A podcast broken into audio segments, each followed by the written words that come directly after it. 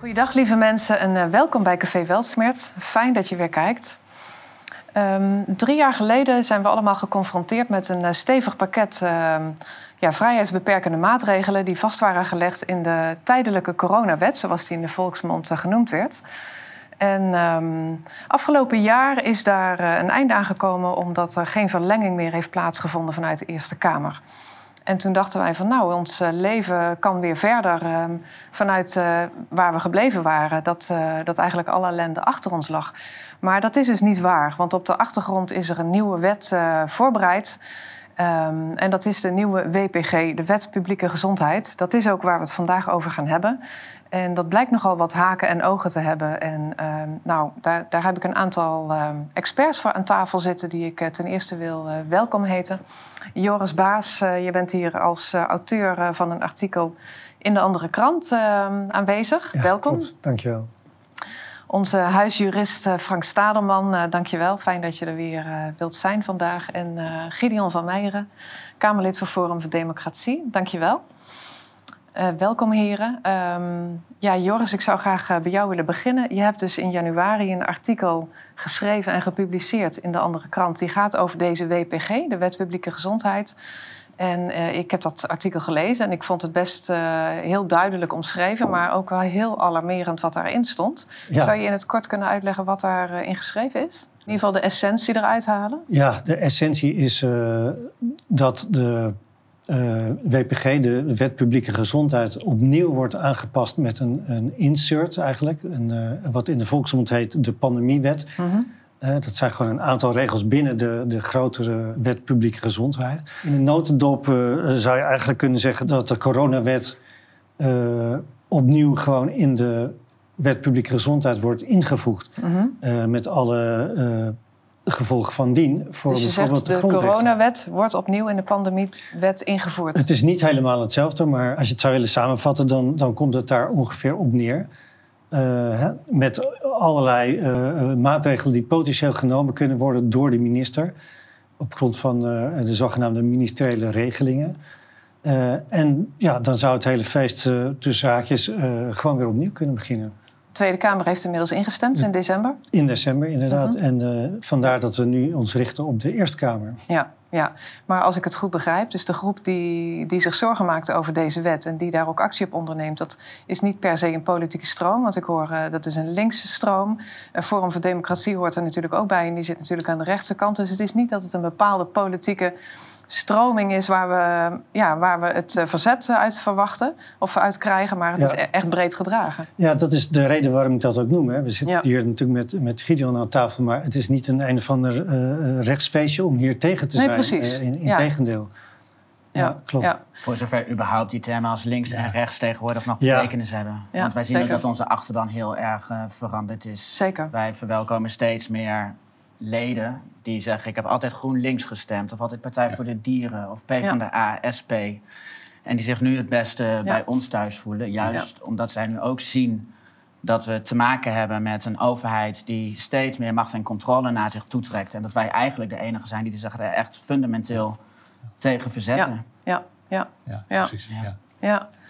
ja. Um, Joris, je hebt eigenlijk een soort van metafoor uh, gemaakt... Ja. waarin je duidelijk aangeeft wat deze wet nou eigenlijk inhoudt. Omdat het allerlei lagen zijn die in elkaar aansluiten... en het misschien voor uh, ja, de leek, om het zo maar te zeggen... best moeilijk is om het uh, te begrijpen van wat, wat gebeurt hier nou eigenlijk. Toen ik in die wet ging verdiepen, kwam ik een aantal dingen tegen...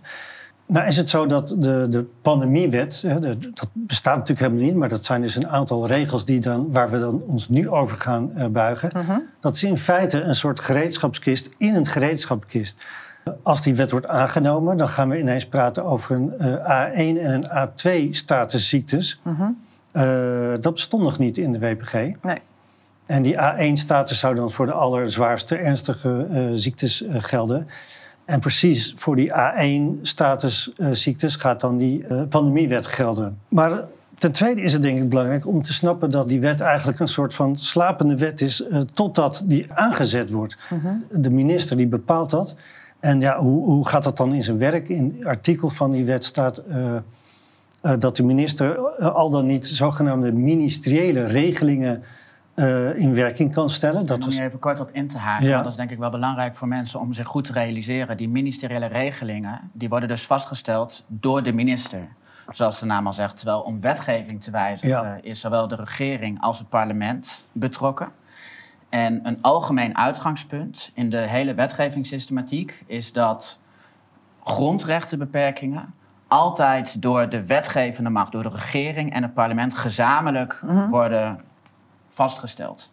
En ministeriële regelingen die worden normaal bedoeld om details van regelgeving vast te stellen. Dus bijvoorbeeld ehm, als de wetgever bepaalt dat er bepaalde brandveiligheidsvoorschriften moeten gelden, dan kan de minister op een gegeven moment zeggen welke type dat dan precies moet zijn. Echt de details. Ja. En wat er nu gebeurt, daarom spreek ik hier in juridische zin van een machtigingswet. Ja. Het parlement machtigt met deze nieuwe pandemiewet de minister om zonder voorafgaande instemming van het parlement en te bepalen welke ziektes als A1 moeten worden aangemerkt. Dat kan de minister in één dag besluiten, zonder dat daar een debat over mhm. gevoerd wordt. Plus direct al die grondrechtenbeperkende maatregelen erachteraan van kracht uh, laten worden. Dus, maar daarmee krijgt hij dus een ongelofelijke macht. Dat betekent dat deze eh, minister die kan eigenlijk voor het hele land bepalen of het land op slot gaat en wat wij wel of niet mogen doen. dat, dat, wordt hier eigenlijk mee gezegd. Hè? We worden echt overgeleverd aan de grillen van de minister. van de minister en de toekomstige ministers die, die daar nog uit voort gaan komen. Er wordt in de media ook vaak gezegd van... kijk, in de nieuwe pandemiewet zit geen grondslag voor een schoolsluiting... of voor een avondklok.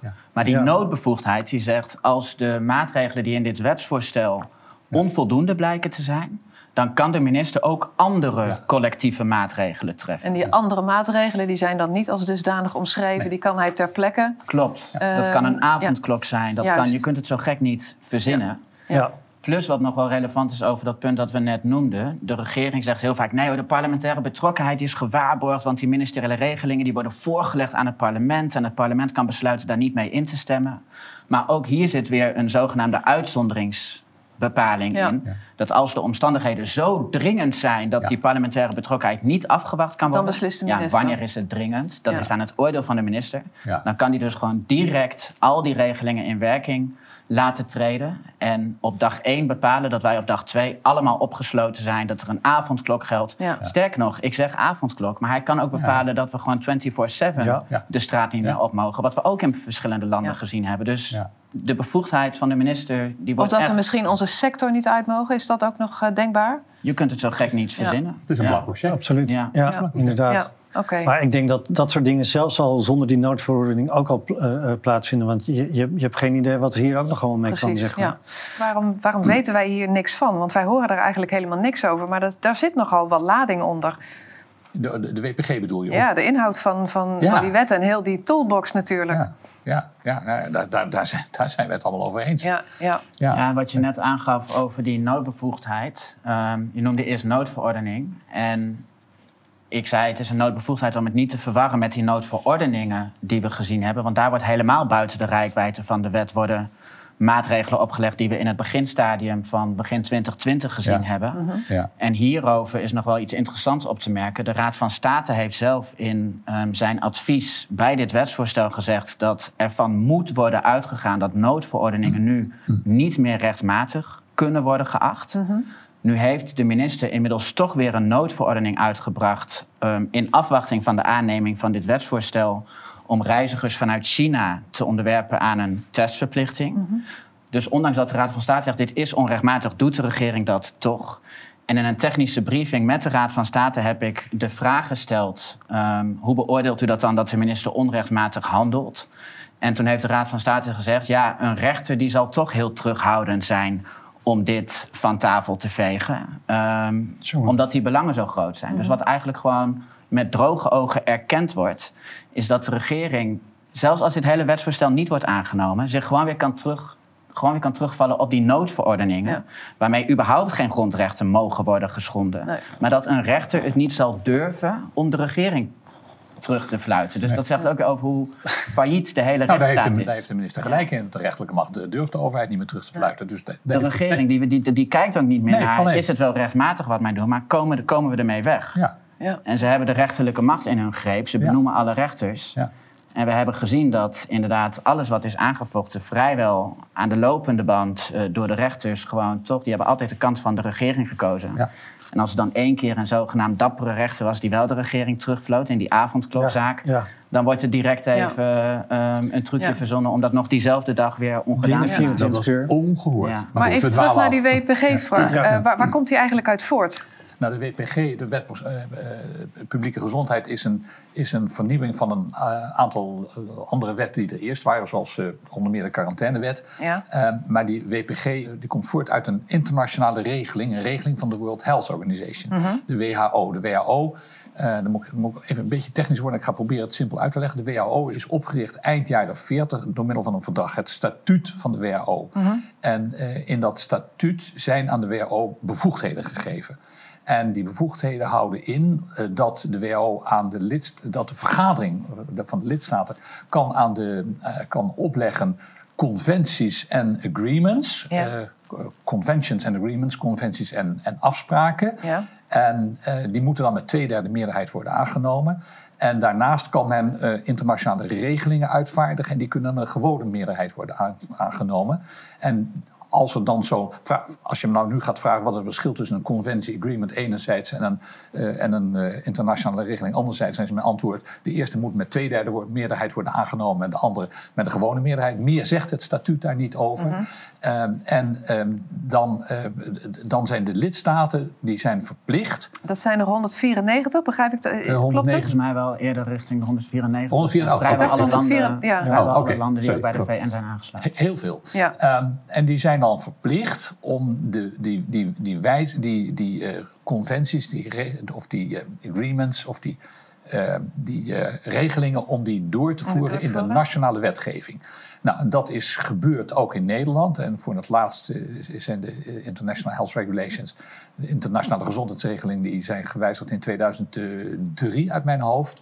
En dat heeft geleid tot een, een, een de, de WPG. Ja. En dus de, de Wet Publieke Gezondheid is een uitwerking van de, van de voorschriften zoals die gegeven zijn door de WHO. Ja. En wat, wat zijn de bevoegdheden van de WHO?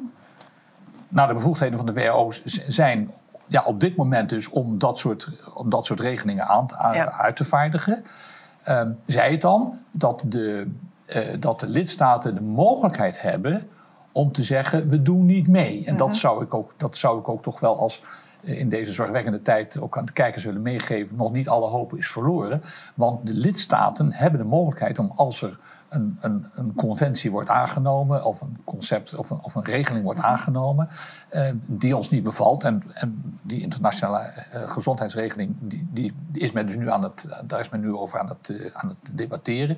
Als die wordt aangenomen en wij als Nederland zouden zeggen, dat bevalt ons niet, dan kunnen we zeggen, we doen niet mee. Dan moeten we mhm. binnen een bepaalde tijd zeggen, uh, we, we, doen niet mee. Maar als we dat niet doen, ja, dan zijn we dus verplicht om, het, uh, om de wet aan te passen. Ja. En in het verleden is dat dus gebeurd met de Maar inmiddels is het 5 voor 12, want die wet ligt nu bij de Eerste Kamer. Nee, nee dat, kijk, en dat is dus een groot -huh. misverstand. Dat, dat zie ik, daar, daar zie ik heel veel mensen in de war raken. Ja. Um, de WPG, zoals die nu wordt aangenomen... Um, is aangenomen door de Tweede Kamer en bij de Eerste Kamer ligt... staat op zich staat los ja. van de wijziging van de International Health Regulations... waarover nu wordt onderhandeld. Ja. Want die International Health Regulations, ja, die zijn. Ja, laat ik dan nog even iets verder, want er is zoveel misverstand over. Er is echt er is zo ontzettend veel misverstand over. We hebben, uh, we, er wordt dus nu intensief onderhandeld over die International Health Regulations, die, die, die beestachtig zijn. Daarnaast wordt er, gespro wordt, uh, er wordt ook gesproken over een, over een, een, uh, een pandemieverdrag. Maar dat, dat, dat is iets anders. Dat is dus een conventie, een agreement van de WHO. Ja. En die, daar, daar, daar is nog eens een tekst voor gereed, voor zover ja. ik weet. Er is alleen een, een werkgroep heeft daar een, een, een, bombastisch verhaal over geschreven. En dat moet leiden tot een, tot een, dan een zogenaamd verdrag in twee, in de, op het jaarcongres in 2024. Eh, dat is nog even weg. We hebben, het, we hebben het nu over de International Health Regulations. En die moeten dan worden aangenomen, is het streven in uh, de jaarvergadering van mei dit jaar. Ja, ja.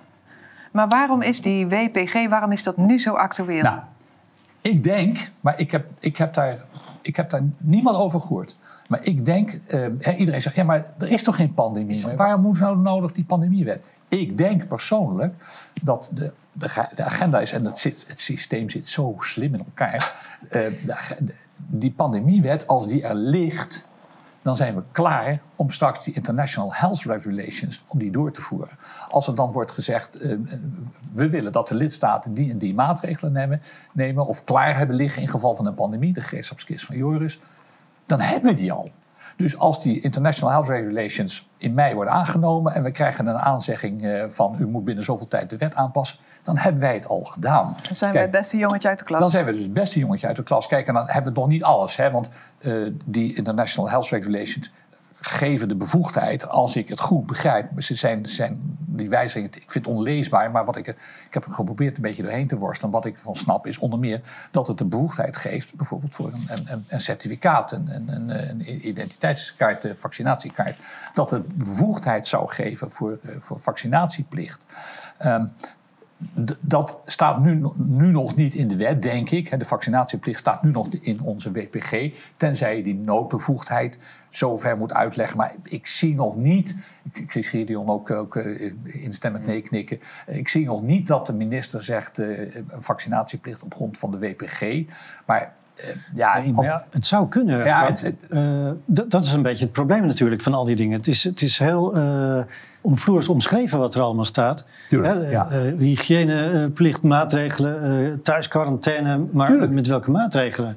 Jawel, het zou kunnen. Een, een prik en prik, dat gaat bij een hele stap verder. Goed, daar zou je discussie, discussie over kunnen krijgen. Maar wat ik wil zeggen is, als meneer Tedros eh, dan straks zegt... Uh, uh, nou, er moet gevaccineerd worden... dan, dan, is de, dan, dan hebben wij, dan hebben wij de, de, WPG al klaar liggen. Dan moeten we misschien nog een, een, artikel invoeren. De minister heeft de bevoegdheid om zo nodig ook vaccinaties verplicht te maken. Ja, en dan hoeft uh, Tedros met zijn vingers te knippen.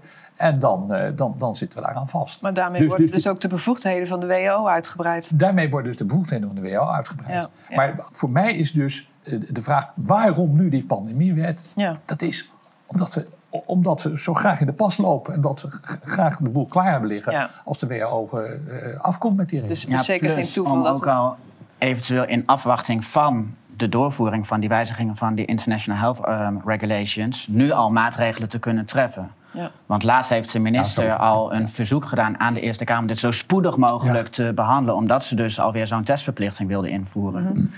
En verder wilde ik graag nog een opmerking maken, want het klopt helemaal dat op grond van het statuut een lidstaat wel kan besluiten om ergens niet aan mee te doen. Maar ja, eigenlijk twee opmerkingen daarover. Ten eerste, Nederland wil altijd het beste jongetje van de klas zijn en gaat eigenlijk vaak nog een stap verder dan waar we internationaal rechtelijk toe verplicht zijn. Plus, wat eigenlijk nog belangrijker is, wij zijn ook lid van de Europese Unie. En de Europese Unie ehm, volgt ook de richtlijnen van de World Health Organization. Sterker nog, het Nederlands kabinet heeft de Europese Commissie gemachtigd om al die onderhandelingen over dat pandemie, pandemieverdrag en over die International Health Organ, um, Regulations namens Nederland te voeren. Dus de Nederlandse afgevaardigden zitten überhaupt niet meer aan tafel bij die onderhandelingen die, die nu plaatsvinden. Dat doet allemaal de Europese Commissie. Um, in het parlement wordt er helemaal geen debat meer over gevoerd. En nou ja, straks krijgen we dus weer uh, zo'n pakket aan uh, papierwerk. En dat is dan allemaal al in kannen en kruiken gegoten. En dan kan het parlement daar zich eigenlijk op geen enkele manier meer tegen verzetten. Want ja, ja. Nou ja, het zou een nucleaire optie zijn, waar op dit moment natuurlijk in de politiek totaal geen draagvlak voor is om echt uit de Europese Unie te stappen. Om ook niet meer via de EU-regelgeving gebonden te zijn aan dit soort uh, internationale. Maar wat natuurlijk zeker interessant is om te vermelden, is dat die WHO gesubsidieerd wordt door grote farmaceutische bedrijven. dus in die zin wordt het natuurlijk aangestuurd. En dat is zeker wel belangrijk om toch nog een keer te melden. Ja, natuurlijk. En dat is ook heel dubieus, want de World Health Organization is strikt genomen onderdeel van de Verenigde Naties. En uh, op grond van het statuut moeten de lidstaten daar een financiële bijdrage aan leveren. En we zien nu dus dat steeds meer private organisaties, zoals de farmaceutische industrie, maar ook, die, uh, ook Bill Gates, die heeft grote financiering. Uh, ja, als zij zo'n machtig, machtige organisatie gaan financieren, dan doen ze dat natuurlijk niet belangeloos. Nee. Zeggen ze niet: hier heb je een pot geld, kijk maar wat je ermee doet. Nee, ze willen daarmee natuurlijk invloed. Dus zo zie je ook hoe sterk die lobby is vanuit de farmaceutische industrie. Om, ja. ja de, belangen zijn natuurlijk enorm als er een vaccinatie Deze, deze pandemie duurt gewoon voort op, een, op die, die tijdelijke wet met maatregelen waar, waarvan we helemaal niet weten of ze werken. Dat te zeggen, we denken dat ze niet, wij denken aan tafel denk ik, dat ze niet werken. Maar veel maatregelen werken ook averechts. Ja, ja, ook er zijn ook, veel wetenschappelijke studies over die mondkapjesverplichting, hoe schadelijk die is voor de gezondheid. Ja. We zien nu zoveel mensen, ook als je kijkt naar de toename van huiselijk geweld, uit verschillende onderzoeken tot een toename tot 111 procent sinds de invoering van de lockdown. Mensen met depressie, zelfmoordcijfers die hoog is verschrikkelijk. Nou ja, sowieso de dus- oversterfte, hè? Ja. ja. ja. Ik hoorde Caroline van der Plas laatst zeggen, die zegt van ja, die was heel kritisch over of, of zo'n mondkapje nou zou werken. En die zegt ja, ik draag hem toch maar, want ja, hè, baat het niet, dan gaat het niet. Ja, dat, is dus hoe je, dit, hoe je hier totaal het is wat, wat ik ook heel opmerkelijk vind, en dat is hier al eventjes genoemd, of een aantal keren zelfs, dat al die maatregelen überhaupt niet eens geëvalueerd zijn. Dus uh, terwijl ze nu definitief doorgevoerd gaat gaan worden, dreigen te gaan worden, laat ik het zo zeggen. Want het is natuurlijk nog niet zo ver. Maar dat vind ik wel heel opmerkelijk. Er wordt niet geëvalueerd, maar er wordt wel alvast een definitief rapport neergelegd van nou, zo gaan we het dus in de toekomst definitief doen. Het is en, geen tijdelijke wet meer. Dat is natuurlijk super zorgelijk. En wat ik heel bizar vind trouwens, is dat er in deze wet staat: we houden een veilige afstand aan. Hmm. En de minister bepaalt wat de veilige afstand is. maar als de minister dat niet doet, we zijn wel nu met deze wet verplicht om een veilige afstand aan te houden. Ja, inderdaad. Ik heb begrepen dat er wel uh, gesprekken zijn geweest om daar in ieder geval uh, met elkaar over in gesprek te gaan. Maar er wordt wel uh, de, de Belgische viroloog van Randst uitgenodigd. Maar de experts die hier aan tafel zitten en die we bijvoorbeeld ja. nou in Nederland in huis hebben, noemde maar ja. een aantal namen op. Ja. Die worden die dus niet uitgenodigd. Die worden maar niet mijn punt is, is, is, een ander. Er is nu geen pandemie. Hm. Eh, en als deze wet wordt aangenomen, zijn we toch verplicht om een veilige afstand aan te houden. Terwijl er geen pandemie is. Die verplichting is voor altijd als de wet wordt aangenomen. Maar als je het dan hebt over van inderdaad, we moeten dan uh, die afstand gaan houden. terwijl er helemaal geen enkele dreiging is. Goed, die dreiging kan natuurlijk altijd bepaald worden door de minister. Maar wel, welke scenario's zijn er eigenlijk allemaal mogelijk vanuit deze wet die nu voorbereid is? als de minister zou zeggen: ja, maar ik vind deze muziek is zo besmettelijk. we moeten 20 meter afstand houden. dan kan hij dat zeggen. Ja, ja. Dat kan je zeggen. En zo'n wet wordt natuurlijk niet in, uh, voorbereid en in het leven geroepen en ter stemming gebracht als daar geen gebruik van wordt gemaakt. Dat doen ze niet van goh, just in case. Maar dat is natuurlijk wel, het heeft wel het doel om die ook te gaan gebruiken. Absoluut. En er kwam ook nog een uh, voorstel van D66 om een spoed achter te zetten. Toen laatst weer het bericht kwam dat er toch weer het aantal besmettingen zou oplopen. Dus ze houden er wel heel ernstig rekening mee dat dit echt uh, op korte termijn alweer ingezet gaat worden. Ja. Worden de grondwetten geschonden hier met deze wet? Ja, nou en of. Ja. Nou, natuurlijk, ja, natuurlijk. Het, uh, uh, ja, alle opzichten, recht op lichamelijke integriteit, het recht op vrije beweging. Nou, voor, voor, je kan beter zeggen welke grondrechten worden niet geschonden. Nee, nee. Wel, zelfs, zelfs, zelfs, uh, zelfs deze richtlijn, uh, de, uh, nee, de, hoe heet het, de International Health Regulation, voorzien erin dat nepnieuws, fake nieuws kan worden aangepakt. Hmm. Dus als, je, als, je, als er straks weer een, een pandemie is en het, het, moet worden ingeroepen, deze wet dan, en je, en je, je roept, ja, maar het is, het is niet waar, er is geen pandemie, dan kan je aangepakt worden. Ja. Ja. En dat is ook het geheide hiervan, want eerst zegt de regering wij zijn geen epidemiologen. De deskundigen die adviseren ons. De regering wijst deskundigen aan. Dat is dat Outbreak Management Team. Dat wordt voorgesteld als onafhankelijk, maar is gewoon onderdeel van het RIVM. Ja. Heeft ook niet iedereen scherp voor ogen, maar dat Jaap van Dussen gewoon betaald wordt door de minister van VWS. Wij hebben gewaarschuwd voor het risico dat dan de minister invloed wil uitoefenen op de adviezen van het OMT. Werd altijd weggewuifd. Nou, inmiddels is ook naar buiten gekomen uit WOP-verzoeken dat die invloeden daadwerkelijk is geweest. ook een reden om, voor mij om Van Dissel hierom corrupt te noemen. Als hij dit soort perverse belangen laat meespelen. Plus inderdaad, ja, alle andere deskundigen... En zoals je zei, hebben hier al heel veel aan tafel gezeten. En dat zijn niet de minste. Ehm, die kritiek hebben op oordelen van het OMT. Ja, die worden weggezet als kwakzalvers en van social media afgegooid. Zelfs gevangen gezet. In het uiterste geval zelfs gevangen gezet. En dus we hebben dadelijk een almachtige overheid die bepaalt... nou, dit is de waarheid.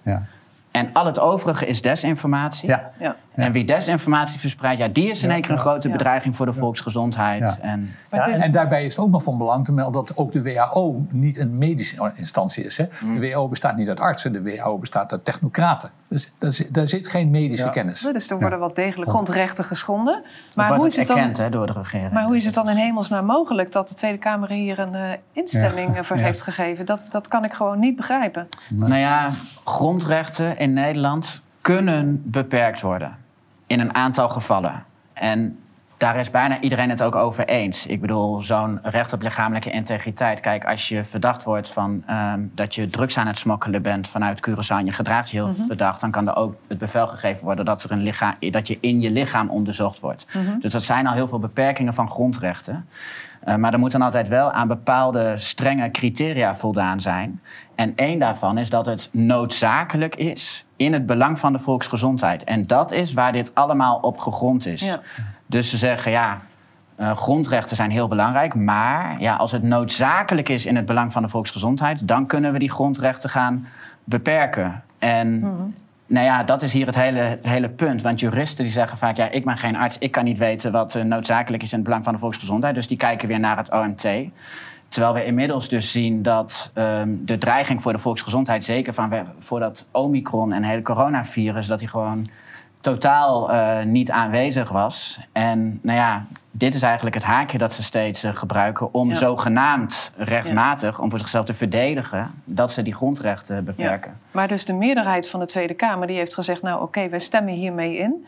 Terwijl er geen evaluatie is geweest. Uh, de experts zijn niet volledig gehoord. En ik vind het eigenlijk onbegrijpelijk. Ik vind het ook schandelijk, want we hebben toch te maken met een democratie, eh, zou je haast denken. Wat natuurlijk totaal niet het geval is. Nee, maar ja, nou, we hebben ook geen volksvertegenwoordigers meer die daadwerkelijk zelfstandig kritisch nadenken. Zij volgen ook allemaal maar gewoon die uh, zogenaamde deskundigheid van het OMT. Ja. En nou ja, er is een ruime meerderheid geweest voor dit wetsvoorstel. Het waren niet alleen de coalitiepartijen, maar ook P van de A, GroenLinks, uh, de SP, uh, Volt, uh, mevrouw Gundogan natuurlijk, uh, fractie Den Haan. Het is met een aardig ruime meerderheid aangenomen, omdat ze allemaal. Dat is eigenlijk volgens mij de grootste fout die gemaakt wordt tegenwoordig in de Tweede Kamer. Ehm, de regering wordt niet meer gecontroleerd, maar de regering wordt vertrouwd. Mhm. Als de regering zegt dit is noodzakelijk, ja, dan zijn er geen parlementariërs meer die dat daadwerkelijk zelf kritisch onderzoeken. Zij staren zich blind op al die brieven die vanuit de regering komen. En dan vertrouwen ze er maar op dat dat wel. Uh, dat maar het is wel de taak van het parlement. Uh, Absoluut. Om, om, inderdaad die controle te laten plaatsvinden. Absoluut. Van de regering. En dat, ja, en dat laat het parlement dus heel erg uh. Guido, mag ik even vragen? Binnenkort zit er weer iemand anders. Ja. Wat straks als in de toekomst dat er iemand zit die we helemaal niet vertrouwen? Nou, hele goede vraag. Want ehm, ik werd tijdens het debat over dit wetsvoorstel ook geïnterrumpeerd door mevrouw Westerveld ja. Ehm, van GroenLinks. En zij gaf ook aan, ja, wat, waar, waar bent u nu eigenlijk zo bang voor?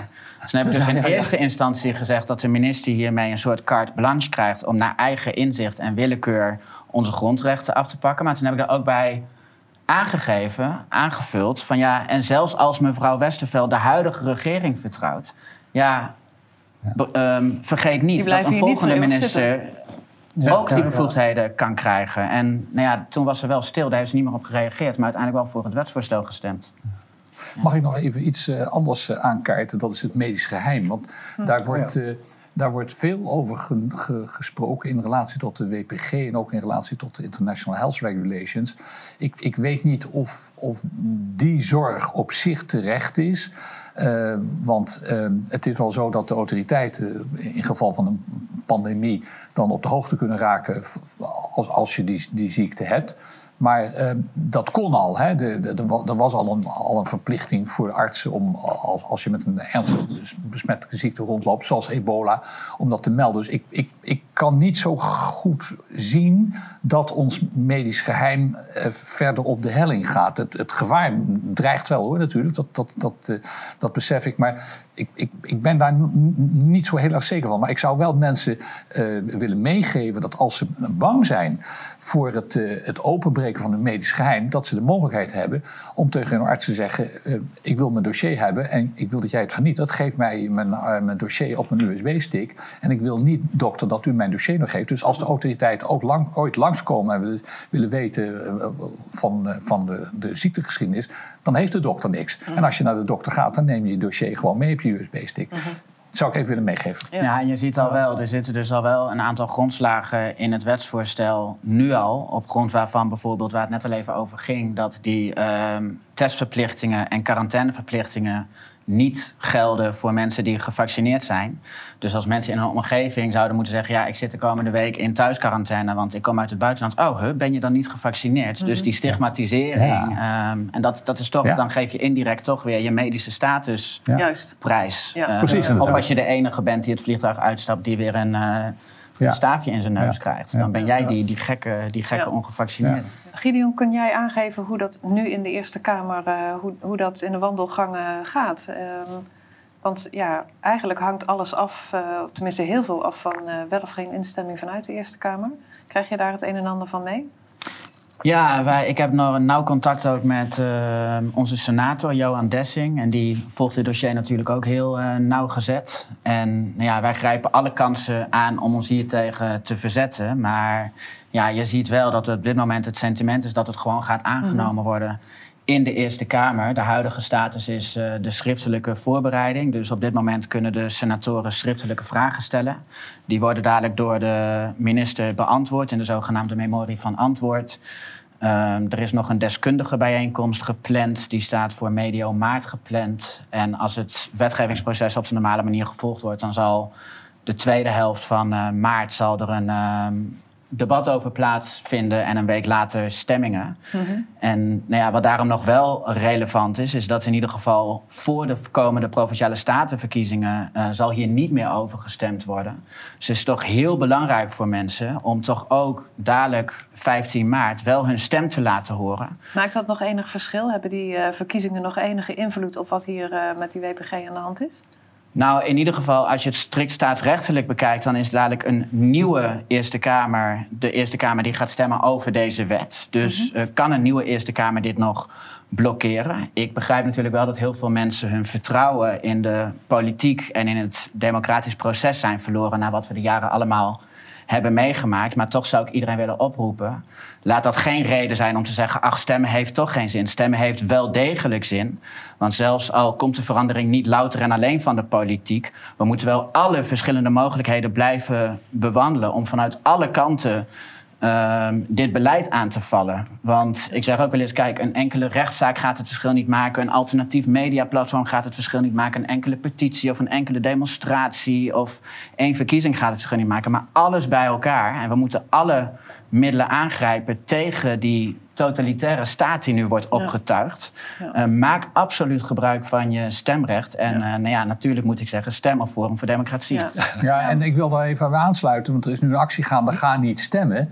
En dat vind ik op zich heel sympathiek. Als we allemaal niet stemmen, dan duvelt de boel misschien in elkaar. Maar het zijn nou juist de mensen die tegen, tegen deze regering zijn, die dan niet gaan stemmen. En dan, daarmee versterken ze natuurlijk het kartel. Dus, dus Heel kwalijk, onze tegenstanders lachen zich kapot. Die lachen zich kapot. Het kartel lacht zich kapot. Die zeggen, blijf inderdaad maar lekker thuis. Ja, dus, nou, dat is het laatste wat we moeten doen. Precies. We moeten absoluut absoluut stemmen. Ehm, er zijn ook veel terecht te zorgen natuurlijk over de eerlijkheid van verkiezingen. Maar ook daarvoor geldt, hoe meer mensen er op Forum voor Democratie stemmen... hoe moeilijker het uiteindelijk wordt om te gaan frauderen. Ja. ja. jullie zijn wat dat betreft natuurlijk toch die enfant terrible in... Uh, in de politiek die ook het systeem wil exposen. En, uh, ja. Inderdaad, ja, er wordt vanuit wel meerdere partijen hoor, wordt het beleid aangevallen. Ehm, heel beleidsmatige oppositie gevoerd. Van hè, werken die mondkapjes eigenlijk wel? Maar wat ons wel onderscheidt van de andere oppositiepartijen ook, is dat wij echt de enige zijn die het systeem als zodanig mhm. aanvallen. en laten zien dat het, dat het systeem niet deugt. En dat er een systeemverandering moet komen, omdat anders het beleid ook nooit verbeterd zou Ja. Ja. Wat, wat, is nou eigenlijk bij, uh, ja, sowieso bij de politiek, maar ook bij de, bij de bevolking Ehm, wat is het lokkertje waarmee deze wet wordt uh, goedgepraat eigenlijk? Want als ik zo luister naar wat hier allemaal onder uh, verborgen zit, dat, dat kan toch gewoon helemaal niemand goedkeuren? Dat kunnen we toch gewoon helemaal niet willen met elkaar? Maar waarmee wordt het goed gepraat? Heb je enig idee hoe dat in. Uh... Ja, het zijn de psychologische trucjes die we de afgelopen jaren altijd hebben gezien. Hè? Ehm, als, je, als je twijfelt aan de goede bedoelingen van de overheid, dan ben je een wappie. Ja. En um, we willen toch allemaal de kwetsbaren beschermen. En de volksgezondheid is natuurlijk voor iedereen heel belangrijk. En ik zag laatst nog toevallig een fragment terug. Ehm, misschien dat het nog te vinden is door de redactie. Want dat was um, in, in dat beginstadium van die, toen de eerste um, coronawet werd aangekondigd, die spoedwet. Toen was er nog veel protest. En die mensen die daaraan deelnamen, um, een demonstratie op het Plein Den Haag, die werden totaal voor gek verklaard. En toen werd ook gezegd, het is toch tijdelijk, dan maak je er zorgen om. En dan zie je mensen met uh, wanhoop in hun ogen zeggen, het is niet tijdelijk, het wordt uiteindelijk permanent. Wim, we worden er gewoon ingerotzooid. Zullen we het gewoon zo zeggen? Nou, dat zijn jouw woorden dan. Ja, maar er is, een wet die, er is een wet aangenomen die automatisch stopt. En nu nemen ze een wet aan die niet auto nee, die er gewoon overheen gaat. Dan worden we toch gewoon ingerold, zo Dat mag je dan toch gewoon zo zeggen? Nou ja, ik hoop dat de Kamer uh, zich daarover wil verstaan met de regering. Van joh, dit gaan we niet per automatisme doen. We gaan niet uh, als vanzelfsprekend ja. uh, als automatisme nog een keer verlengen. Want, want toch even, wat zou daar dan precies problematisch aan zijn? De, het automatisme waarmee het dan verlengd wordt?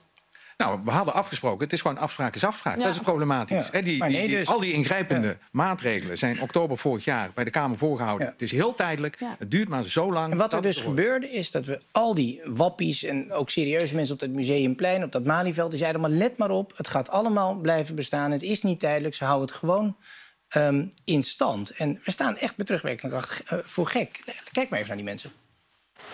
Met de spoedwet! Weg met de spoedwet! De spoedwet is gewoon helemaal niet nodig.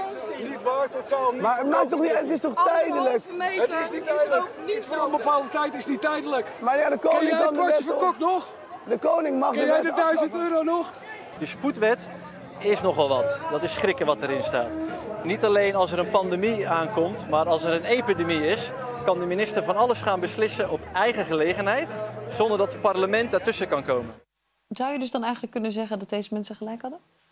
Die hadden toen gelijk. Ja. Maar ja, ze hebben overal toen tijdelijke dit, tijdelijke dat voorgezet. Ja. ja en je ziet nu, uh, na de vijfde verlenging, dan wordt doodleuk aangekondigd als... oh ja, nee, we gaan nu toch maar het permanent invoeren. Dus ook hier hebben die zogenaamde wappies weer gewoon keihard gelijk gekregen... en hun zorgen bleken volledig terecht te zijn. Het is de gewenning. We wennen eraan. Had een referendum hier iets kunnen uitmaken? Enerzijds, anderzijds. Ik denk dat een referendum een heel mooi instrument is om ehm, de bevolking toch het laatste woord te geven over wetgeving. Maar daarvoor geldt wel, wat ook überhaupt bij alle verkiezingen geldt, dat een referendum pas eerlijk kan verlopen als de vrijheid van meningsuiting gewaarborgd is. Want wij hebben er met de afgelopen verkiezingen ook mee te maken gehad dat ons YouTube-kanaal op zwart werd gegooid.